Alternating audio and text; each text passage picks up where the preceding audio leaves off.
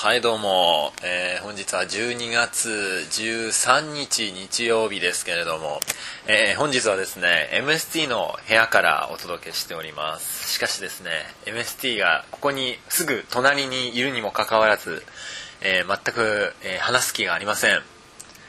MST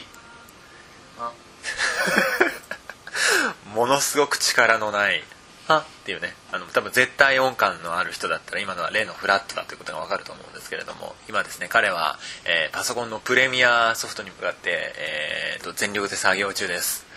と言いますのもですね、あのー実は、えー昨夜昨夜8時過ぎですかね9時近くだったと思いますけれどもから、えー実はぶっ通しで映像の編集の作業をしておりまして、えーほとんど寝ていません、えーなぜかというと、えー私が友人の結婚式のですね、あのー結婚式ムービーというんですかね。あ彼は今何かに気づいたようですけれども何かを打開策を見出したんでしょうか分かりませんが、えーその結婚式のプロフィール映像とですねエンドロール映像っていうんでしょうかね、あのー当日式場で流す映像の編集をですねもうずっと前から頼まれてたんですね。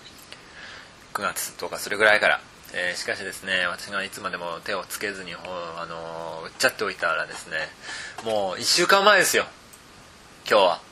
昨日が。式のね。それでもうできてなくてですね。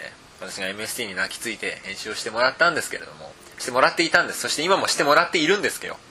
ね、えー昨日はですねその結婚する当の本人も、えー MST の家に初対面なんですけども来てですねあのー 何かが閉まったみたいですね。何かが閉まったみたいですけれども、えーずっとこう根津の作業をしていてもう彼も今限界に近いんだと思います。限界が来てるんだと思います。もしかしたら限界の向こう側を見ているのかもしれませんけれどもですね、えーこんな状態なんで。だ。ダメだ。って言ってますね。なので、えー、と今日はですねいるにもかかわらずちょっと一人で喋りたいなと思うんですけどもしかしあれですね。あのー結婚結婚ですよ。結婚していくんですよ。MST ね。結婚していくんだね。そうやってね。なんかいい感じだったじゃないですか。あもうこれはなんか無視ですね。これはね。作業どうこうというよりも無視を決め込んでるんだと思います。まあ仕方ありません。ね。昨日今日でかなり MST に無茶をさせているのでこれでもう嫌われてもしょうがないかと思います。もまあねどっちにしろね。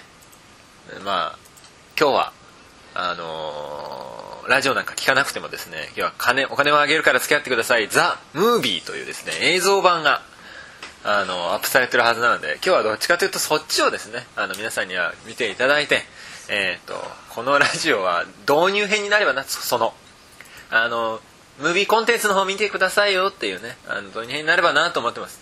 ね私も私もなんかまあね私がいけないんですけどねこうねあの昨晩ねもう本当本人結婚する本人のねカップルの本人が来てから内容をガッと決めてね作ったもんでね。なんか何も自分で何を今喋ってるのか分かりませんけれども。まあまあ正直今はあの今13日の4時半ですけどゲップが取れたね今ね。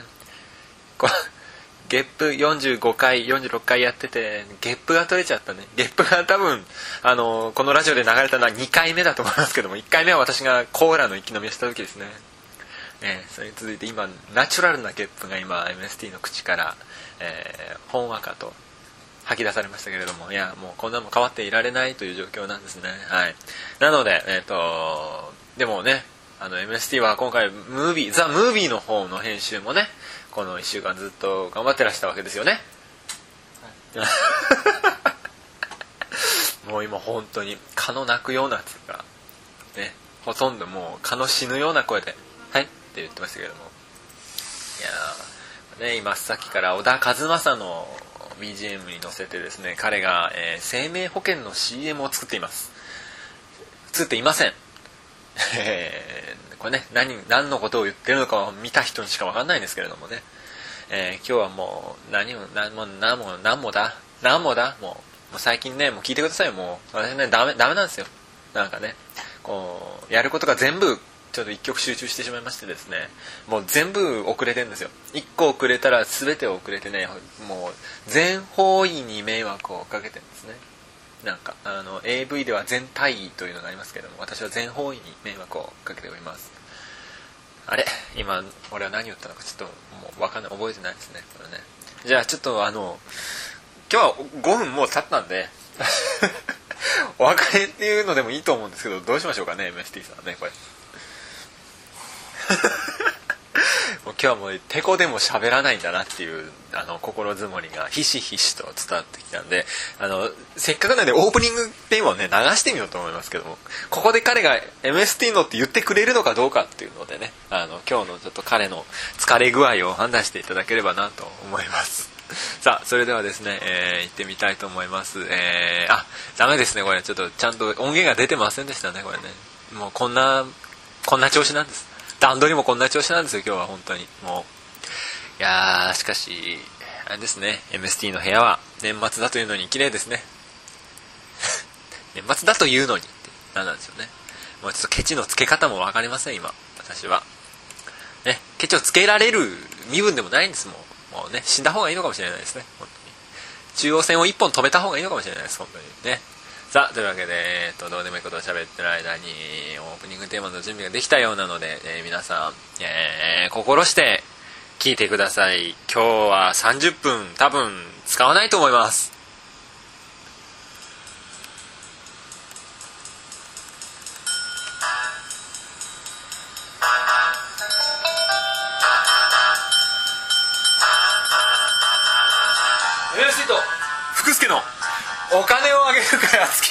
さい。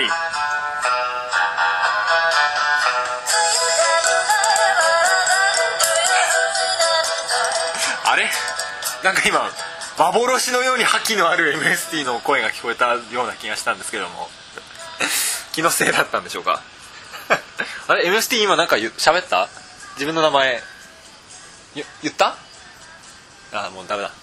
もう頬杖をつくことしかしないという勢いでですね彼が頬杖をついてますけども 肘を机にめり込めとばかりに頬杖をついてますけれどもですね。いやしかし今日はノープランですよ本当に。なんかなんか納得がいってないみたいですねなんか作業のね。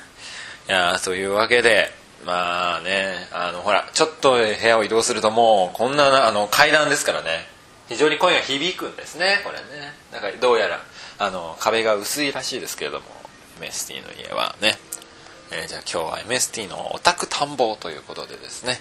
あのあこれこれ何畳ぐらいあるんですかね？ここはね。ワンワンルームというんですか？これ2階部分になってるわけですけれども。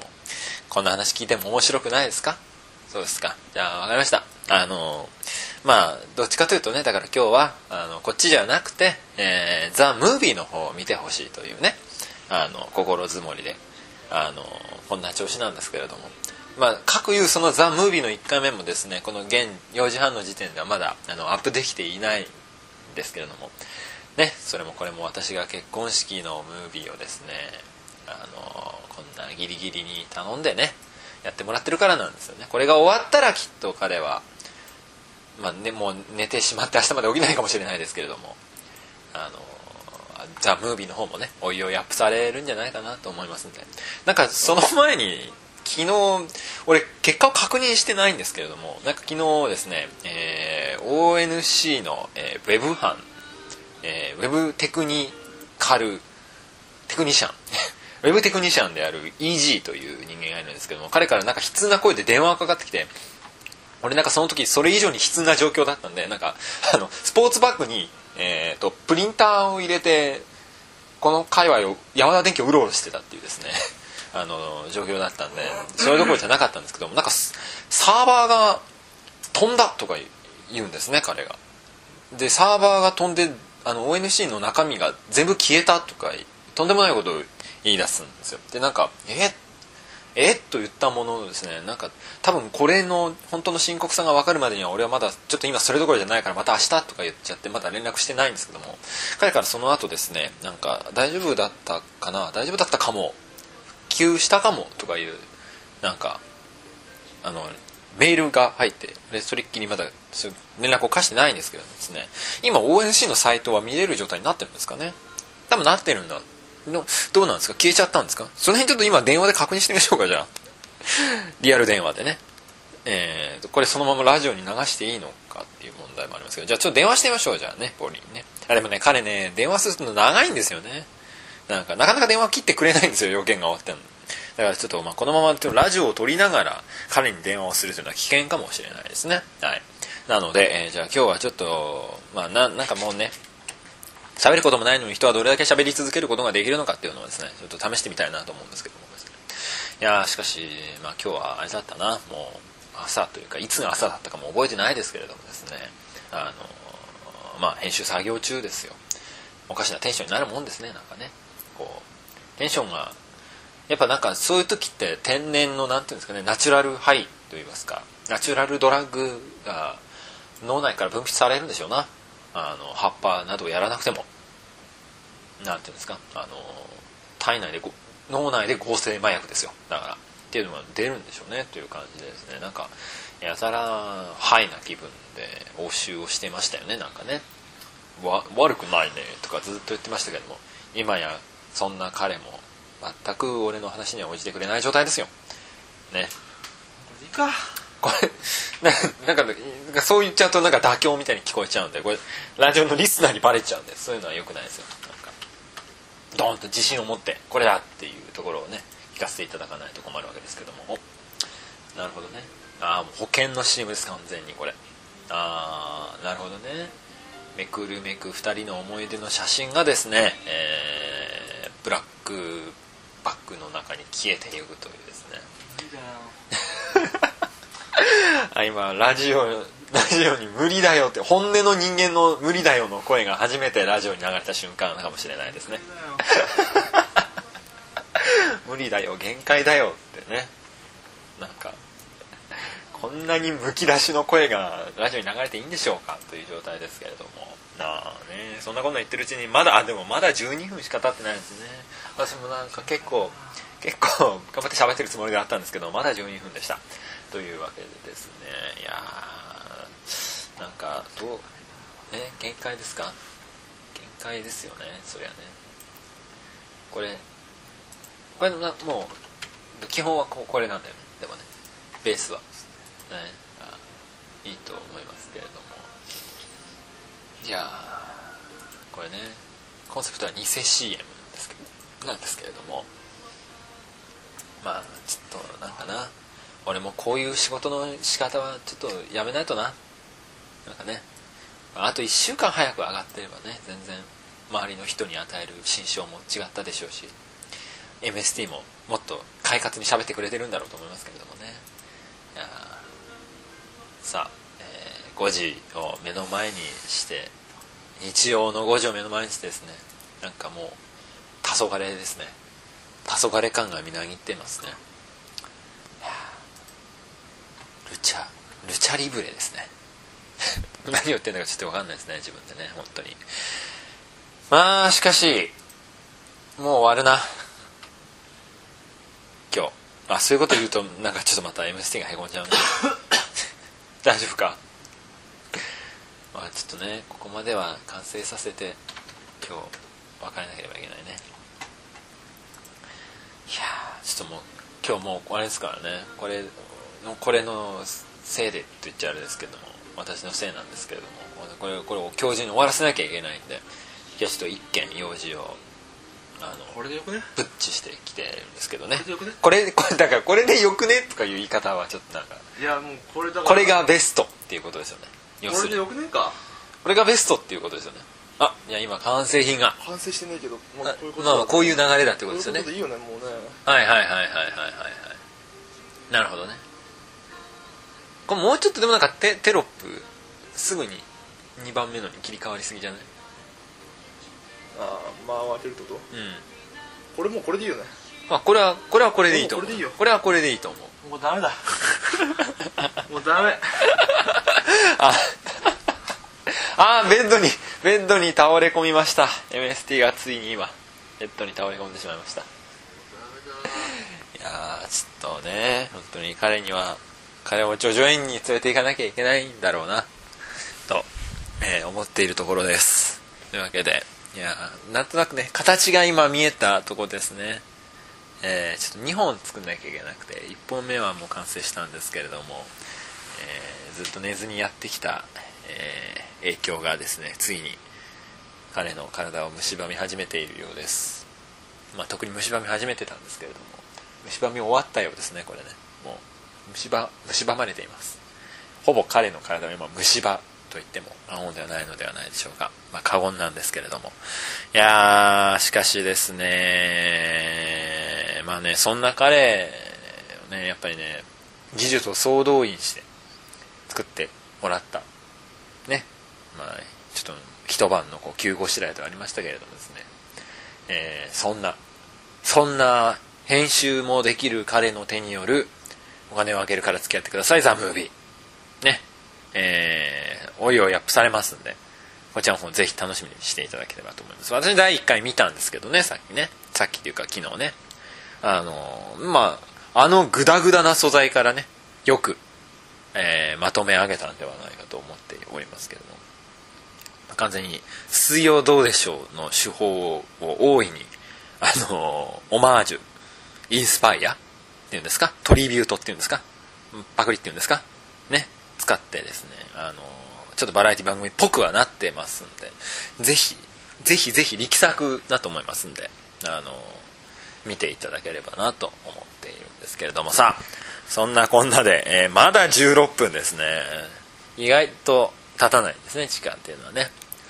はあじゃあちょっとき上がれない感じですけれども MST の方が。まあそりゃそうですよね。そりゃそうだと思いますよ本当に。なのでえっ、とじゃああ怖い怖い怖い怖いなんだなんだ。一年発起です。あもう復活ならないかと思われていた MST が今一年発起してまさかのベッドからの起き上がりを見せました、えーまた作業へと移っていく模様です。現場からお伝えしております福田福助でございます。というわけでえー、これなあのーさっきまで編集でした。らさあれですよあのーなんか。あちょっと電話かかってきましたねこれ。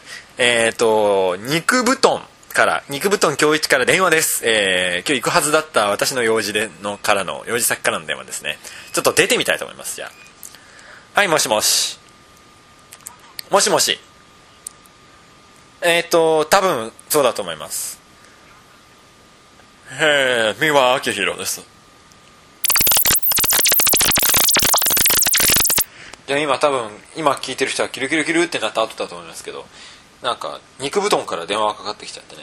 そこでだいぶ長話をしてしまいました。えー、と今日はあの友人がですねあの一人妊娠しましてですね。あのもう地元で産んで育てるということなんで来年帰っちゃうということなんで今日はその何ていうんですか送別会じゃないですけれどもあのそれを兼ねたイベントがね本当はあったんですけどね、えー行けなかったわけですけれどもそのそこの現地から今電話がかかってきてたんですけれどもですね。あの新しい対響をみんなで考えようというわけで各々が考える対響にいい曲を持ち寄って CD にして送るっていう企画があったんですけどですね。私はあの銀杏ボーイズの「メス豚」っていう曲を1曲、えーセレクトしてもう1曲は、えー俺が歌う「酔いと負けの歌」っていうのをあのレコーダーで撮って送ったんですけどですね。なんか今その対響 CD の名前を決めろって言われたんですけれども、まあ、こんな頭でねいいものが思い浮かぶわけもなく、え1個目はあの苦し紛れに「対響新聞」って言ったら 使えないって言われてしまいました。なので、え2回目はですねたまたま思いついた「アルティメット・マタニティ・アルバム」略して UMA ね。あのユーマのようなまだ誰も見たことがない子供が生まれますようにという願いを込めてそれもちょっとあのトライ用によっては不謹慎かもしれないんですけれどもですね、えーそんなタイトルにさせていただきましたというわけで、えー、と我々がこうやって編集作業している間にもですね世の中はこういうふうに動いてるんだぞと。今だって昨日からもうあれですからねテレビのニュースとか見てないですからね。もしかしたらなんかとんでもないことが起こってるかもしれないですけどね世の中では。なんかオバマが暗殺されたりとか。そしたら分かんないですからね。なんかテレビつけてみるまでね。いやーしかし一寸先は闇と申しますけれども。本当にね分かんないもんだね。これね何が起きるかね。妊娠するかもしれないから。誰かが。してるよそれは。ね。はい、あなんかまた電話が来てしまいました。ので。またキルキルってなると思います。はいもしもし。えー、そんなこんな言うているうちに。まあキュルキュルっとねきっと送られてしまったと思うので実質は、まあ、20分ぐらいだと思いますけれどもですね。あのー、今日は今日はもうちょっと持ちません。30分は私一人では。無理です。これまたね事前に話題を用意しておけばまた状況も違ったのかもしれないんですけれども。もうちょっと今日はね手もなんか裸一貫でこの状態で30分喋り続けるのは無理ですね。三輪明宏のものまねをしてもね。きっとも持たないんじゃないかと思うねちょっと難しい。というわけなんで。もうちょっとモノマネも持たないですもうエネルギーが。なのでですねえー、そろそろお別れにしたいと思います。ね。あのー、まあ、ちょっと MST の方も多分だいぶ目処は見えてきたと思うのでちょっと一言ぐらいなら喋ってくれるんじゃないかなと思うのでちょっと聞いてみたいと思いますけども。じゃああの今回はねえー、ザ・ムービーの方をぜひ見てほしいですよね。願いします。はい。なんかもう全く声を張ってはくれないわけですけれども。というわけなんで、えー、じゃあ今回はちょっとグダグダでしたけれども30分持ちません、えー、ぜひお金をあげるから付き合ってください。The Movie の方ですね、えー、ムービーコンテンツの方からご覧ください。というわけで今日は、えー、開きにしたいと思います。なので、えー、本当はエンディング曲をかけようかと思ったんですけれども今準備を忘れました。さあそうするとだんだん曲が流れてきましたよ。ね。さあおなじみのエンディングテーマが流れてまいりました。というわけで今日はこんな感じでお開きにしたいと思います。来週は来週はえー、結婚式の本番ですね土曜日は。そしてそれが明けてですねぜひ、えー、元気な姿で皆さんに、えー、声をお聞かせできればと思っております。明日でも来週は部屋探しだな。部屋探ししてると思いますよ。部屋が見つかるといいですね。俺の。願ってください。皆さんも。というわけでそれではごきげんよう。来週もまたモテますように。